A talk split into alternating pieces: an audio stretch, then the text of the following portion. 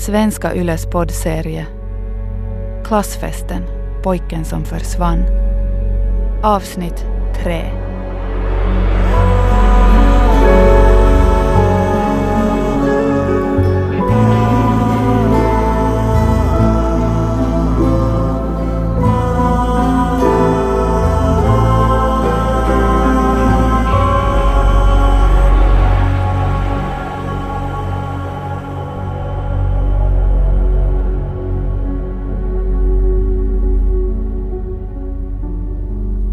Heter Kajsa Mattsson. Jag försöker ta reda på vad som hände med Christian Fredriksson, 17 år, i april 1993. Idag ska jag träffa två människor som var vuxna på 1990-talet, som båda kände Christian mycket väl, men verkar ha väldigt olika uppfattning om honom. Och inte nog med det. Jag ska prata med Jeffrey. Jeffrey som skrivit i webbdiskussionerna om Christian och till skillnad från de flesta andra skribenterna faktiskt tycks veta något om saken. Jeffrey skriver att han har bevis för att Christian finns kvar i Finland. Död eller levande. Vem är Jeffrey? Och vad är det för bevis? Men allra först ska vi återgå till något som kom fram i det förra programmet. Alltså någon bröt sig in i, i vår skola och trashade vårt klassrum helt totalt. Många gissade att det var Christian. Och det var därför han sen stack. Du sådär att uh-oh. För vi blir fast liksom. Sorry. Det här berättade Peter, en av Christians vänner, när jag träffade honom. Vandalisering är ett brott, men var brottet så allvarligt att det polisanmäldes? Jag ringer upp äldrekonstapel Vuokko Sällström. Man polisanmälde vandalisering i slutet av 92, men man hittade inga bevis, ingen kunde åtalas. Var det allvarligt? Jag menar, var skadorna omfattande? Jo, jag ser här att skadorna uppskattades till 30 000 mark, så ja, det var ganska omfattande. 30 000 mark. Kanske inget enormt belopp för en typisk kvarnliden familj på 1990-talet, men för en kille som Christian måste summan ha känts astronomisk. Jag undrar hur han mådde de här månaderna, när många verkar säkra på att han var skyldig. Var han skyldig? Det vet bara Christian själv. Men vandaliseringen var en stor grej och ingen i nionde klassen gick ostraffad. No, nää, äh, vår lärare Monica kom sen på det perfekta sättet att, att pressa oss. Hon tänkte säkert att vi i klassen visste vem det var och att vi skulle komma fram med det om hon hotade oss på rätt sätt men ingen sa något. Klassföreståndaren Monica visste precis var niondeklassarnas ömma punkt satt. Nåja, den sitter väl på samma ställe för alla generationer. En fest. Varje vår ordnades en stor fest för eleverna i nionde klass. På Peters och Markus beskrivning förstår jag att det måste ha varit någonting som nästan kan jämföras med amerikanska prom. Alltså en jättegrej. Ja, gud ja. Alltså, Steffi och jag vi hade ju skaffat klänningar färdigt och allt. Och, och jag skulle gå till frissan och sen försökte jag få Peter att, att klä sig på ett speciellt sätt så att vi skulle passa ihop. Och en del hyrde limousin. Alltså det var helt sjukt. Och sen plötsligt så bara ställdes allting in. På grund av då det där som hade hänt då på jullovet. Det berättar Nina, som också gick i Christians klass. Om ingen erkände att det var den som vandaliserat klassrummet eller om någon fixade fram bevis till polisen så ställdes niornas traditionella bal in. Och fast det tisslades och tasslades och blickarna riktades mot Christians håll räckte det inte till. Det blev ingen bal 1993. Det var helt skitjobbigt. Folk grät på riktigt. Och, och vi försökte alla säga till Christian att hej snälla kan du bara säga att det är du så att vi får ha vår bal men han, han totalvägrade. Nåja, det kan ju hända att det, att det inte ens var han. Men just då så var jag liksom jag var så arg på honom. Jag bara sa att hej come on. Please kan du bara säga att det var du. Det kan inte ha varit en lätt tid för Christian. Ny i klassen och plötsligt misstänkt för ett brott och sedan också syndabock för att balen ställdes in. Kanske Christian börjar längta bort ännu mera. Jag är på väg för att besöka Christians fostermamma Gun-Britt. Christian han bo i flera olika fosterhem under uppväxten men när han kom till Kvarnliden bodde han hos Gun-Britt och Harald. Harald gick bort för några år sedan men Gun-Britt bor på ett servicehus nära järnvägsstationen. Aha, ser du, där kom du. Varsågod och stig på. Tack. Du kan lämna skorna här Ja. Gun-Britt har hunnit fylla 80 år. Rummet hon bor i är hemtrevligt. Många krukväxter, böcker, tavlor och vykort på väggarna. Och en hel rad med inramade fotografier på fönsterbrädet. Jo, ser du, här har vi ett, ett fotografi av, av Harald. Ja. Och där har vi våra egna pojkar. Och sen här är de där pojkarna som blev våra på ett annat sätt. ja hur, hur kommer det sig att de blev era? Nå vet du, det huset blev tomt och sen var det ju också det att fabriken stängde. Betongfabriken Jo, jo, just den. Så Där, du, alltså. Harald hade ju jobbat där hela sitt liv. Och, och, och nu blev han eh, sysslolös. Och han behövde någonting att göra. Och så via församlingen fick vi tips om att det fanns eh, barn och unga som behövde någonstans att bo. Och speciellt eh, lite äldre eh, pojkar var svåra att placera. Och, och, och Harald, han var, han var bra med de där Du pojkarna. mycket med dem där? Jo, jo, jo. Alltså han eh, tältade med dem och han gjorde fiskefärder med dem. Brukar du åka med? Nå nej, nå inte. Vet du, det är sånt att karlar göra. Jo, och det, det, det, det ska man få göra i fred. Enligt Gun-Britt blev det aldrig några större problem med fosterpojkarna. Nå, en del var kanske lite uppkäftiga i början men med tiden lugnade ner sig menar hon. Någon gång flyttade en pojke vidare efter prövotiden men de flesta trivdes. Mm, Christian, vad minns du om honom då? Nå, Christian, han var ju en snygg pojke. Han var trevlig och artig. Och... Han var ju en av de äldsta pojkarna som vi har haft. Han behövde bara någonstans att bo så att han kunde gå ut grundskolan. Och, och, eh, så det var liksom en lite annan sak med honom än med de yngre som stannade här lite längre. Ni kom bra överens. Jo, jo, jo. Härlig var han ju. Men han var sällan hemma. Han hade ofta saker för sig på kvällarna. Jag frågar Gun-Britt om hon vet hur Christian hade det före han kom till Kvarnliden. Men han var lika förtegen med fosterföräldrarna som med sina vänner. Christians mamma hade i alla fall dött när han var bara åtta år gammal och pappan hade aldrig funnits med i bilden. Några nära släktingar verkade inte heller finnas till hands.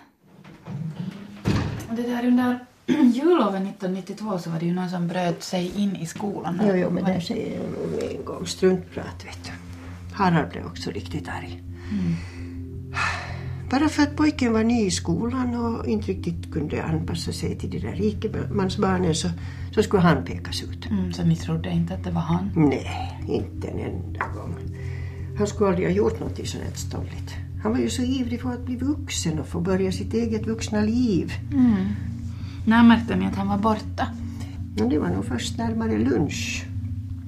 För att först tänkte vi att han hade kommit sent hem och att han låg och sov och ville bli störd och sådär. Men sen, sen gick väl Harald upp för att väcka upp honom i alla fall. Och, det där och, och, och så att alla saker var borta. Och det fanns bara... Jo, då upptäckte han den där lappen, så var det. En lapp? Mm, en, en liten lapp på skrivbordet. Vad stod det på den?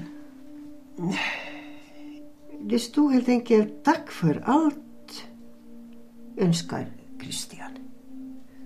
Det var allt. Jag tror att jag har den kvar någonstans den här lappen. Mm, vart tror du att han tog vägen? Nå, han begav sig säkert ut i vida världen. Det var ju det han ville. Han hade skaffat sig pass och allting och Harald hjälpte honom med det. Ja, Okej, så det var inte ni som anmälde honom försvunnen då? Jo, jo, jo. Visst var det vi, alltså Harald. Mm. Han var lite sårad, efter allt vad han hade gjort för pojken. Så, och så reser Christian bara iväg mitt i natten. Men att det där... Jag tänkte nu för min del att, att sån här är man väl när man är ung. Man vill ut på äventyr, man tänker inte efter helt enkelt. Jag ber Gun-Britt leta fram lappen som Christian lämnade i sitt rum. Den ligger i en välsorterad låda full med fotografier och vykort. Är det okej okay om jag tar ett foto? Jo, ska jag hålla i det? Uh, nej, det går bra så, tack. Okay. Nåja. Man, lite ordning har man i alla fall. Mm. Inte i huvudet kanske, men i byrålådorna. Det är en rutig pappersbit utriven ur ett spiralblock. Texten är skriven med vanlig blå kulspetspenna. Tack för allt Gun-Britt och Harald. Christian. Vad tänker du om det han skrev? Det var ju fint av honom att ändå skriva en liten rad och tacka. Mm. Och så högtidligt att kalla oss för Gun-Britt och Harald. Vi var nog aldrig annars annat än Gunny och Harry för våra pojkar. Det skulle nog vara riktigt roligt att veta hur det gick för honom sen.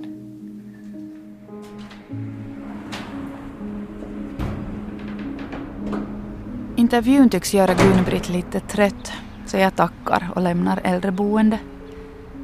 Jag ska vidare till en annan intervju med Monika som var Christians klassföreståndare. Idag är hon rektor på samma skola och jag promenerar dit från Gun-Britts boende. Den där lappen som Gun-Britt, eller Gunni som hon kallades, har sparat, den, den är ju intressant. För den är ju beviset på att Christian faktiskt gav sig iväg, packade sina grejer och klottrade ihop ett avsked. Eller? För varför sa han inte hej då till sin bästa vän Marcus? Och hur var det med flickvännen Linda, fick hon någon lapp? Det skulle jag gärna fråga henne ifall hon skulle svara på mina meddelanden. Men det har hon inte ännu heller gjort. Av någon anledning. I Kvankis, Kvarnlidens grundskola, pågår lektionerna så det är rätt tyst i korridorerna. Monica tar emot mig i sitt arbetsrum på andra våningen. För det första så vill jag påpeka att jag inte har allt för mycket tid. Om du förstår. Absolut, ja, jag ska försöka vara kortfattad. Um, jag skulle vilja fråga om en elev som du var klassföreståndare för 1993, Christian Fredriksson. Mm. Minns du honom? Det är klart jag minns. Jag minns alla mina elever. Vad minns du av honom då? Ja, vad ska jag säga om honom? Han kom in i den klass som jag hade redan undervisat över två år. Och de var ju sammansvetsade så jag kan tänka mig att han hade lite svårt att anpassa sig och så blev det som det blev. Vad menar du? Ja, vad menar jag? Nej, vet du, jag tycker inte om att baktala mina elever. Ja, men det är ju ändå 25 år sedan så någonting kan du väl säga?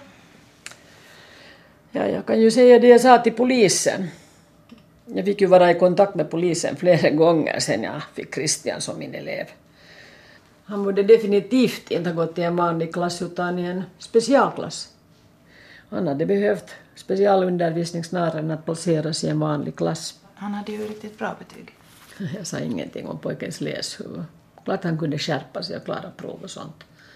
Jag syftar på hans sociala färdigheter. Alla kamrater jag har pratat med har inte nämnt någonting om det. Nej. Om det här. Hans vänner ser ju saken ur sitt perspektiv, det är klart. Men nu börjar jag få bråttom till nästa lektion. Okej, okay, men menar du alltså att han var bråkig? Ja. Vad ska man säga? Han slog ju sönder och samman hela klassrummet, det var pricken över i det. Ja, men det var ju ingen som bevisade att det var han. Tack så mycket, nu tror jag vi har pratat tillräckligt. För du verkar så säker på att det var han. Sa du det till polisen att du trodde att det var han? Jag tror att vi är klara nu. Vänta nu lite, alltså. Men ställde du in balen på grund av den här vandaliseringen? Jag tycker att det är jätteonödigt att du blandar dig i allt det här. Att du rotar i andra saker. Vet du, det skadar folk. Varför vill du smutskasta mig och hela skolan? Jag vill absolut inte smu... Wow. Var Monica lika hetsk mot Christian 1993? Varför? Och det kan ju hända att Monica har rätt och Gun-Britt och Markus har fel. Kanske Christian plötsligt faktiskt fick för sig att göra inbrott i skolan och slå sönder saker och så flydde han för att han var rädd för att bli fast. Det är ju inte omöjligt. När jag försöker få svaret på frågan vad som hände med Christian verkar det finnas två teorier. Han reste iväg. Eller någonting hände honom och orsaken till att han inte hört av sig till någon är att han är död. Den första teorin verkar helt klart vara den mest populära. Men nu ska vi höra en person som kommer att vända upp och ned på saker och ting. Signaturen Jeffrey. Jeffrey, som förstås inte heter så på riktigt, går med på att tala med mig. Anonymt och med förställd röst. Ja, du skrev att du har bevis av något slag. Uh, saken är den att uh, jag bodde en riktigt uh, kort tid hos Gunni och Harry hösten 93. Ja. Jag hade lite problem på den tiden. Jag var hos dem en prövovecka och så tyckte min socialvårdare att jag var ett för svårt case för dem. Så jag hamnade på ett annat ställe istället. Hur, hurdana problem hade du? Jag hade börjat testa lite droger och sånt. Inga tunga grejer alls men de hade nolltolerans i fosterfamiljerna. Och idag dricker jag inte sprit så, så det är länge sedan. Det var så att när jag bodde i det där rummet hittade jag en del grejer som han Christian hade lämnat kvar. Ja. Det fanns en sån där liten kolo bakom lådorna i skrivbordet. Man måste sticka in handen för att märka den. Jag hittade den själv för att jag skulle gömma och jag skulle gömma en grej och, och tänkte att det här är ett bra ställe men, men det där jag hittade en grej som var Christians. Vad hittade du? Nå, jag hittade hans pass. Christian hade gömt sitt pass där inne i skrivbordet. Eller så hade det trillat dit om man drog upp lådan riktigt hårt kunde saker falla ner i den där kolon. Alltså, du hittade Christians pass. Har du det ännu? Nå, grejen är att jag sålde det. Behövde pengar. Nå, det var ju helt idiotiskt men jag, jag kände ju inte honom och jag hade inte fattat att han då liksom försvunnit. Och att det här med passet var ganska viktig info. Jag var ganska mycket de där åren. Tänkte inte efter alls. Det var först när jag såg diskussioner på nätet för några år sedan som jag fattade att shit.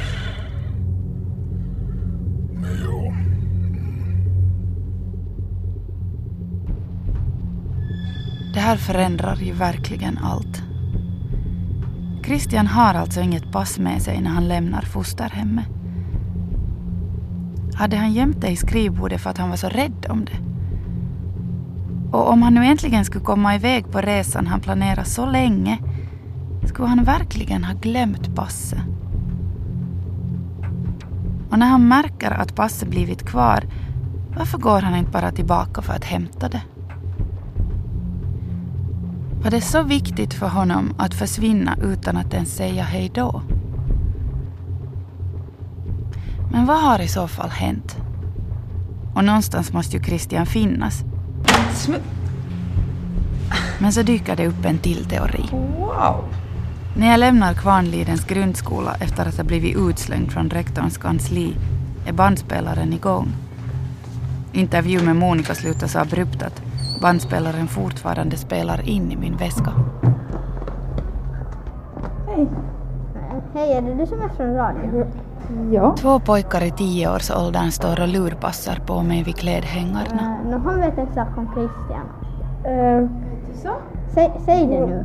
Säg det bara. Nej, nej, nej, vänta. Uh, vänta, vänta, vänta. Säg det. Uh, vad vet du om Christian? Säg, säg det. Nej, nej, nej, nej. Vad är det du vet om Säg bara Christian? det. Christian är på sitt kontor. Kontoret?